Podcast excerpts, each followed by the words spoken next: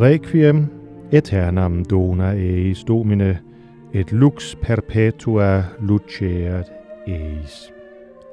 Det er indledningsordene på den romersk-katolske messe, som øh, vi alle sammen kender som Requiem, altså dødsmesse. Og det er måske ikke det mest mundre tema at tage fat i her på sådan en solbeskinnet søndag i august, men der er en årsag. For i dag, der er det årsdag for den første bombe, der faldt over øh, Hiroshima, og snart efter fulgte Nagasaki, det der, hvis man har de positive briller på, afsluttede 2. verdenskrig, men det som alt andet lige indvarslede en helt ny æra i menneskets historie. Det var som bekendt tilbage i 1945, men i år, denne 6. august 2023, dedikerer vi altså derfor denne udgave af Kammertonen til dødsmessen.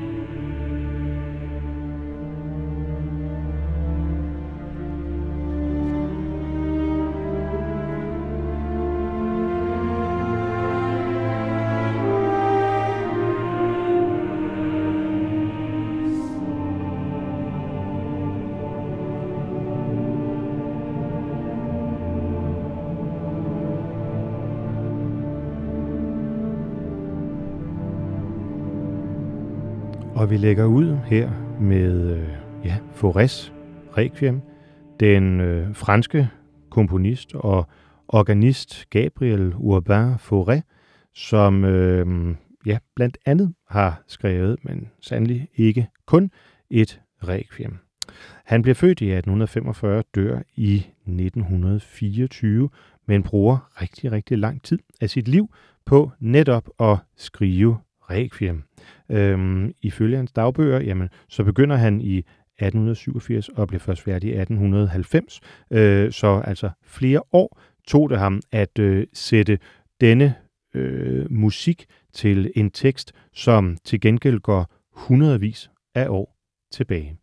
Og måske øh, er det netop derfor, at øh, ja, Fauré og med ham mange andre komponister har taget sig ekstra god tid Øh, for øh, Requiem er en, øh, en helt særlig genre inden for den øh, klassiske musik. Øhm, nogen vil måske påstå, at øh, det ikke hænger sammen med operaen, men jeg vil tillade mig at være uenig. For hvad er det, vi øh, har lært eller husker øh, at have hørt om øh, operaens øh, forgængere? Jo, at netop i barokken, hvor den tidlige opera begyndte at øh, tage form med øh, Peri og Monteverdi og alt det, der foregik nede i Firenze med Camerata og så videre, ja, det var jo, at der på det her tidspunkt var en klar kamp i øh, mellem det værtslige og det religiøse. Øhm, og hvor det værtslige presser sig mere og mere på også i den religiøse sfære. Der ved jo, at øh, mange af Bachs øh, kantater, men især hans oratorier, øh, blev angrebet for at være skuespil, at være opera, at være værtslig musik, som altså blev spillet øh, inde i Guds katedraler. Øh, og derfor har der igennem alle årene været en snæver sammenhæng mellem den, øh, den religiøse øh, musik øh, og så operaen. Og derfor ser man jo også ofte i, i hvert fald i de tidlige operaer, at det er ikke bare mennesker og helte, men jo også guder især, som, øh, som træder ind på scenen. Jeg tror, vi et par gange her i kammertonen i hvert fald har dyrket eksempelvis Orpheus og Eurydice øh, i en række forskellige indspilninger. Og derfor tillader jeg mig som deres vært og producer på denne udgave af Kammertonen og insisterer på, at øh, dødsmessen, rækfirmet, jamen det hører også med i denne genre. Og det tager vi fat på i dag. Denne øh, romersk-katolske sjælemesse, altså for de, øh, for de døde. Nu citerede jeg øh, ordene før på latin. Øh, måske skal vi lige gengive det på dansk. Herre, giv dem den evige hvile, og lad det evige lys skinne på dem. Requiem er altså en bøn for de døde, måske også af de døde. Og den har på mange stræk en fast form. Øhm, teksterne ligger i hvert fald, og nu siger jeg det igen med et grænsalt, ligger i hvert fald fast i den forstand, at øhm, øh, der er en, en liturgisk øh, sammenhæng. Man indleder med den oprindelige bøn, som vi lige hørte her, med Kyrie eleison, Herre forbarm dig. Øhm, og så er der en, en række øh, sange eller temaer, som man kommer igennem, men hvor komponisterne selvfølgelig igennem øh, ja, flere hundrede års musikhistorie har valgt at gøre det på netop sin måde. Det, at der er et, et fast forlæg, altså der er en, øh, en, en, en, en grundstamme i fortællingen, i teksten, har netop, tror jeg, sat mange komponister fri til så at kunne lave deres version af øh, Kyrie, eller Dies Irae, eller Sanctus, Agnus Dei osv. Og alt det vil vi dykke ned i i dag, hvor vi altså indledte med Gabriel Faurés Requiem. Det står i D-mol, og øhm, jeg ved ikke, om det er en tilfældighed, eller om der er en sammenhæng. Men øh, en anden stor komponist, som også netop øh, valgte at, øh, at skrive et, øh, et requiem ovenikøbet som og det kan man jo diskutere, om det er passende eller tragisk, eller hvad det er, men som det sidste i, sit, øh, i sin virksomhed, øh, det er Mozart. Øh, og han skrev også netop sit requiem i D-mol. Og øh, nu har vi jo ligesom fået åbnet for ballet. Det gjorde vi med Fauré. Det næste, der øh, sker, det næste, øh, det næste afsnit, som vi bevæger os øh, ind i, det er, øh, det er vredens dag. Det er en lidt mere øh, alvorlig sag, det er simpelthen dommedag. Og det har øh, forskellige komponister selvfølgelig sat øh, forskellige toner på. Men øh, jeg synes, vi skal gå fra den ene d-mol til den næste d-mol, og øh, dermed altså bevæge os ind i øh, et af de måske også mest kendte requiemer, nemlig Mozarts requiem. Og det gør vi altså her i Dies Irae-satsen.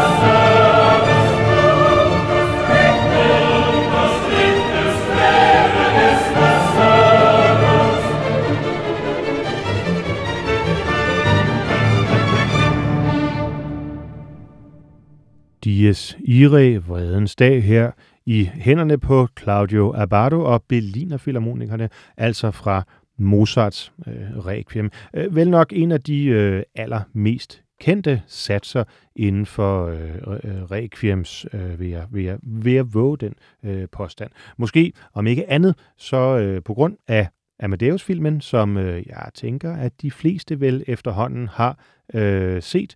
Øh, den fremragende Milos Forman-film, som øh, bygger på øh, skuespillet om Salieri og Mozart, hvor man i hvert fald får indtryk af, at øh, det er Salieri, der øh, ligesom slår Mozart øh, ihjel og øh, bestiller øh, det her requiem som en dødsmesse, der på den ene side skal stå som afslutningen på Mozarts tilværelse, og det kommer den på mange måder til, fordi det er Kørsel nummer 626, det vil sige den opgørelse, som, øh, som øh, man efter Mozarts død har lavet over hans musik, jamen så er det det sidste øh, nummer.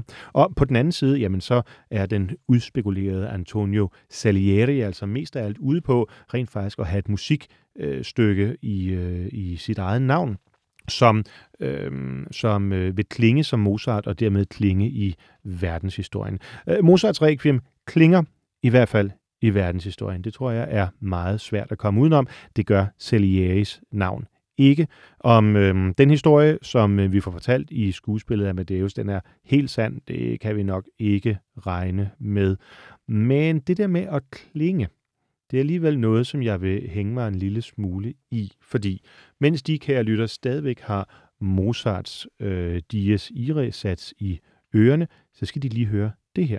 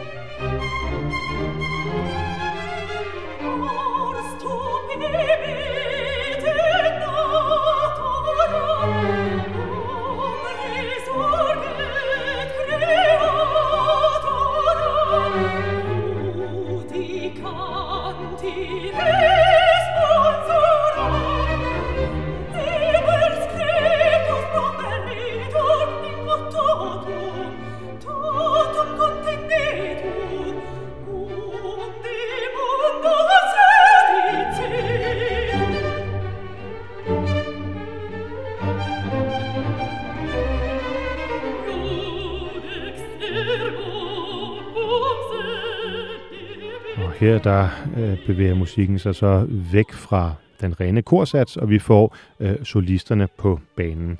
Det vi øh, lytter til her er øh, requiemet skrevet af Michael Haydn. Altså øh, broren til Josef Haydn, som vi blandt andet lyttede til i sidste uge, øh, da vi lyttede til nogle af Haydns symfonier. Det er nemlig ikke kun Josef Haydn, der øh, blev komponist. Det gjorde øh, hans, øh, hans bror Michael også. Han bliver født øh, i 1737 og dør i 1806. Men der er noget påfaldende over hans requiem her. For Dies Irae-satsen, som vi nu kan høre i baggrunden her igen, minder på mange stræk altså om Mozarts.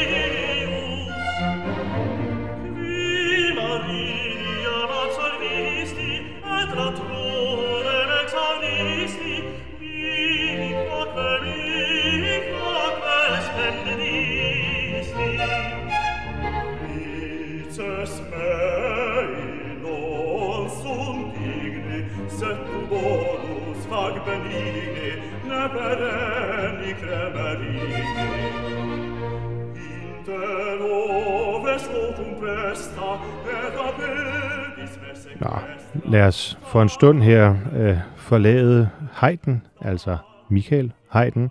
Øh, jeg synes, der er en påfaldende lighed imellem indledningen i hvert fald, altså korsatsen øh, på, øh, på Dies Irae-satserne mellem de to herrer, Michael Haydn og Wolfgang Amadeus Mozart. Og skulle der være nogen, der sidder derude og tænker, hmm, ja, men hvem kom så først? Det må da være geniet øh, Mozart. Altså, hvem har nogensinde hørt om Michael Haydn? Jamen, så vil jeg blot nævne, at øh, det er måske overraskelsernes tid, fordi uh, Michael Haydns Requiem det er skrevet i 1771, og så bekendt Mozart så skrevet i 1791. Er det en ren tilfældighed? Tja, sådan er øh, musikhistorien jo altså fuld af øh, underfundigheder. Eller har øh, Mozart måske et par dage før, et par uger før, hvad ved jeg, et par år før, siddet og lyttet til Haydn, øh, Michael Haydns øh, Requiem og tænkt, hmm, den lærer jeg lige i banken jeg skal ikke øh, lade øh, det være, jeg skal ikke lade det være sagt, øh, og jeg skal egentlig heller ikke være på nogen måde øh, fordømmende. Jeg synes, det er et fantastisk requiem, som Mozart har skrevet. Det tror jeg, alle anerkender. Men der er faktisk momenter af skønhed i rigtig mange af de requiems, som øh, forskellige øh, komponister igennem tiden har øh, fået skrevet. Og nogle gange kan jeg ærger mig over, at der er øh, måske, nu siger jeg, 20 eller 30 komponister, som vi hører hele tiden. Øhm, det kunne være Mozart, det kunne være Josef Haydn, øhm, men, øh, men der er alligevel nogle samtidige, som af en eller anden årsag er glædet fuldstændig i, øh, er gået fuldstændig i, i glemmebogen. For eksempel brormand Michael Haydn. Nå, lad det være øh, for nu. Nu har Michael Haydns efterfølgere i hvert fald fået lidt kodapenge, og det er dem vel ondt. En af de komponister, som for alvor øh, lavede et requiem, der skabte noget nyt, der pegede i en øh, ny øh, retning, jamen øh, det er italienske Verdi. Øh, Verdis requiem har en øh, helt særlig øh, øh, tone, men også en helt særlig øh, tilblivelseshistorie. Øh, Derved, at han øh, oprindeligt øh, egentlig ikke havde nogen planer om at skrive et requiem, men øh, hans øh, samtidige og, tror jeg også, øh, kammerat øh, øh, Rossini øh, gik bort. Og øh, ja, så blev øh, samtidens øh, øh, komponister, italienske komponister, enige om, at eftersom øh, Rossini ikke havde skrevet et requiem til sig selv, så ville de da øh, gå sammen om at gøre det. Øhm, og derfor er der et, et requiem, requiem for Rossini, som er skrevet af en hel stribe af øh, det 19. århundredes største italienske øh, komponister. Men da Verdi så ligesom havde fået skrevet sine bidrag, så øhm, begyndte det ligesom at sidde i ham at der var noget med de her tekster. Der er noget evigt interessant, måske også noget søgende, noget som værdig i forhold til hele sit liv, der jo, må man sige, var præget af stor sorg. Han mister sin hustru i en ung alder, han mister sine børn og ender med at sidde øh, vel ikke alene på sit landsted, men i hvert fald på sit landsted som, øh, som øh, en, en ensom mand, øh, der er tynget af sorg og kærligheden til de efterladte, altså i forbindelse med arbejdet med Requiem for Rossini, bliver betaget af de her tekster. Og det kommer der altså et af de mest vidunderlige requiems øh, ud af. Og øh, jeg kan kun øh, opfordre dem, kære lytter, til at øh, høre det i sin helhed. Og øh, der findes mange fantastiske indspilninger, men der er en særlig svung over det med George Solti. Især Dies Irae-satsen Vredens Dag, som øh, vi altså hørte hos Mozart lige før. Den skal vi ikke høre her, fordi den tror jeg, at de fleste derude kender. Det vi skal høre, det er Angerbønden, en gemisco, øh, som vi skal høre med øh, Luciano Pavarotti her.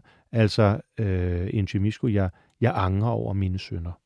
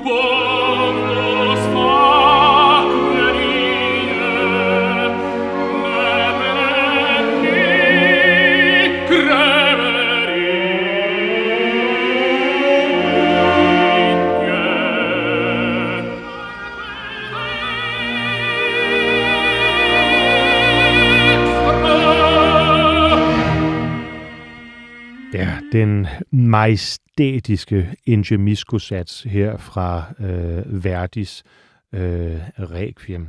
Den var ikke en del af det bidrag, som, øh, som Verdi leverede til, øh, til Rossinis øh, Requiem. Den skriver han til sit eget Requiem. Men øh, det er måske værd lige at dvæle lidt ved netop øh, Rossini. For øh, da han gik bort, i, øh, i øh, hvad er det, i 1837 40 deromkring. Øh, jamen, øh, øh, der øh, var der en række komponister, som nævnt, der sammen med Verdi gik sammen for at lave en, øh, øh en, en, en, en hyldest eller en, ja, en dødsmesse til øh, Rossini. Og øh, der er ikke øh, mange af komponisterne, som øh, bidrog dertil, som vi på den måde kender i dag, eller sådan nærmest flokkes om og, og øh, høre. Øh, der er, øh, ja, jeg kan nævne navne som Antonio Buzzola, der er Carlo Pedrocci, der er Alessandro Nini, øh, og øh, ja, så er der øh, en, som måske øh, vækker en, øh, en lille smule øh, genklang, nemlig Raimondo Bucheron. Og når jeg øh, lige dvæler et øjeblik ved, øh, ved Boucheron, jamen øhm, så er det, ja, og det er måske også lidt unfair, men sådan er livet nogle gange, så er det faktisk slet ikke, fordi jeg kender hans musik særlig godt. For øhm, jeg, jeg vil ikke kunne nævne en, øh, en opera øh, af Boucheron, sådan hvis jeg blev øh, vækket klokken, øh, klokken 4 om morgenen, eller hvad det er, man siger. Men der er en indspilning af øh, Requiem for, øh, for Rossini, hvor det er vores egen skønne, skønne Åge Haugland, som øh, synger øh, de øh, to øh, passager, som altså Raimondo Bucheron har bidraget med til Requiem for Rossini. Så alene det gør da, at jeg synes, vi godt lige kan lytte en gang.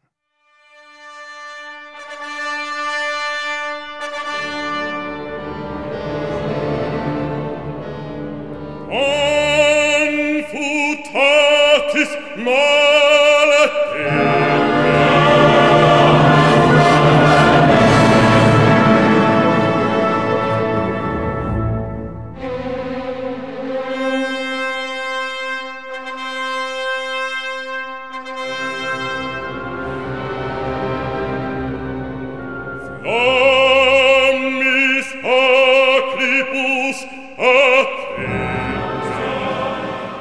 Vores egen skønne Åge Haugland hører vi her synge med Prag-filharmonikerne. Øhm, den passage, eller ja, de to afsnit af øh, Requiem for øh, Rossini, Messa per Rossini, øh, som Raimondo Bucheron øh, altså øh, skrev. Han var en af de 13 italienske komponister, der gik sammen for at hylde den, øh, den, øh, den bortgangne øh, Rossini. Og jeg tror, som jeg sagde før, ikke, at han huskes for ret meget andet end det. Men jeg kan se her i, øh, i øh, arkivet, jeg har liggende, at han primært er kendt for at skrive religiøs musik. Og ja, bidraget her, det var da heller ikke helt ringe. Den sats, vi nu er nået til i øh, Requiems øh, øh, teksten. Det er den, der hedder Confutatis Maledictis. Øhm, og øh, vi befinder os stadigvæk inden for samme øh, område, hvor Dies Irae og øh, de her sådan voldsomme øh, tekster, de voldsomme øh, passager, de, øh, de, de, de forerer. Og øh, ja, altså teksten lyder i sit hele. Confutatis maledictis, flammis acribus actitis, voca me cum benedictis. Og øh, med øh, far for øh, at få øh, spanskrøret øh, serveret lige i panden her af den første, den bedste øh, latinlærer, så vil jeg sige, at øh, meningen må være, at øh, når øh, først de dømte de er blevet øh, straffet eller, eller øh, tilgivet, eller ja, i hvert fald sendt videre til helvedes flammer, øh, så øh, kald øh, på mig med, med barmhjertighed. Altså, det er en bøn, voka med, kald på mig, kom benedictis, med barmhjertighed, med miskundhed og så videre. Så øhm, ja, igen, teksten har sine flere facetter her, hvor på den ene side helvedes ild brænder sønderne øh, op, men når ilden er holdt op med at, øh, at, at brænde, så kald på mig, herre. Smukke, smukke passager, som jo øh, i al deres enkelhed har øh, dannet rammen om øh, den ene mere øh, øh, fantastiske og ja, florentinske, kan jeg næsten få lyst til at sige, musik efter det andet. Nok om øh, Rossini, som altså aldrig nogensinde skrev øh, en øh, node af sit, øh, af sit øh, requiem. Og så synes jeg, vi skal bevæge os videre tilbage til Frankrig.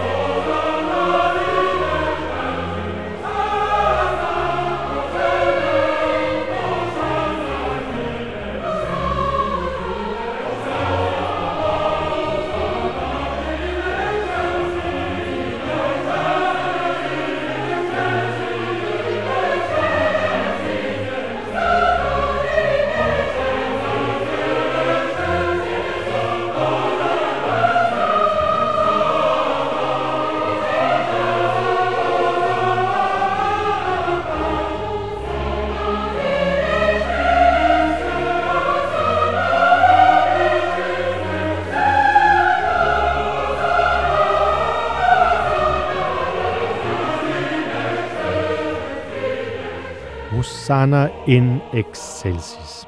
Vi er, øh, som jeg sagde, tilbage i Frankrig. øh, ikke helt, hvor vi begyndte, for det her er ikke Fauré. Nej, dette er Berlioz, som øh, valgte allerede tidligt i sin kompositionskarriere i 1837 at skrive Le Grand Messe de Mort, altså hans Requiem.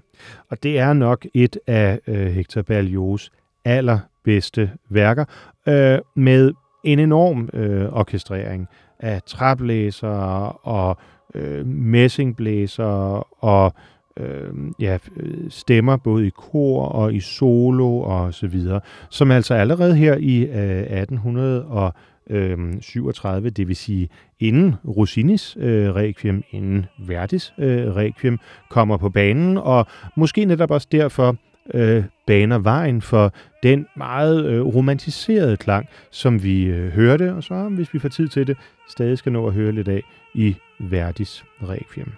Vi er øh, nu ved at nærme os sidste del af øh, Requiems-formationen. Øh, øh, altså indledte jo med Requiem Eternam og Kyrie.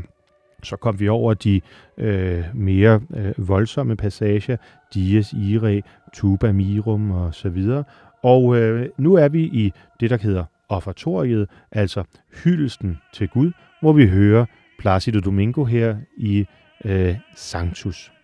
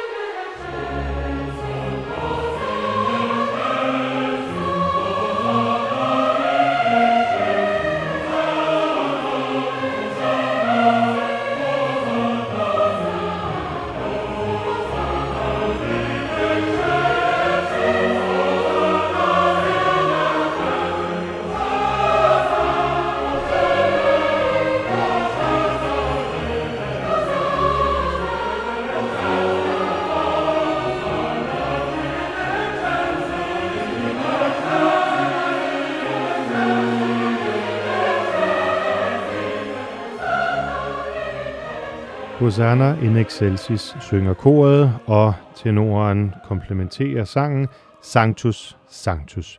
Øh, de to øh, temaer over for hinanden, det øh, jeg tør næsten sige mundre, men i hvert fald sådan øh, i travagtige, øh, friske øh, tema her med Hosanna, og så øh, Sanctus, som sådan er svævende, bare en, ja, blander sig med firmamentet. Det er en øh, helt særlig og unik komposition, som øh, ikke bare redefinerede måden, den religiøse musik, dødsmessen og rekviemet som sådan lød på, men på mange måder også kom til at kendetegne Hector Berlioz. Det er opus nummer 5, så det er ganske tidligt i hans, øh, i hans øh, kompositionstilværelse, at han beslutter sig for at, øh, at skrive dette værk. Andre af de store komponister, som øh, har kastet sig over Requiem, jamen øhm, der er det svært at komme uden om tyske Johannes Brahms.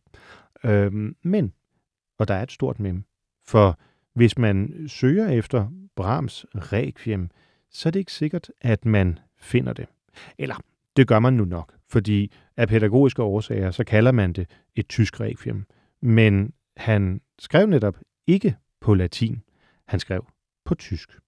Ein deutsches Requiem nach Worten der Heiligen Schrift. Altså nach Worten, efter den hellige skrift. Så øhm, hvor øh, hidtidige komponister herunder Berlioz, som vi lige hørte før, Verdi, Mozart, Haydn, Fauré også osv., havde skrevet på det originale sprog, nemlig øh, latin, der valgte øh, tyske øh, Johannes Brahms øh, helt øh, som noget helt særligt at gøre det på tysk. Han komponerede selv, eller skrev selv øh, teksten, men altså efter det øh, hellige eller det oprindelige religiøse forlæg.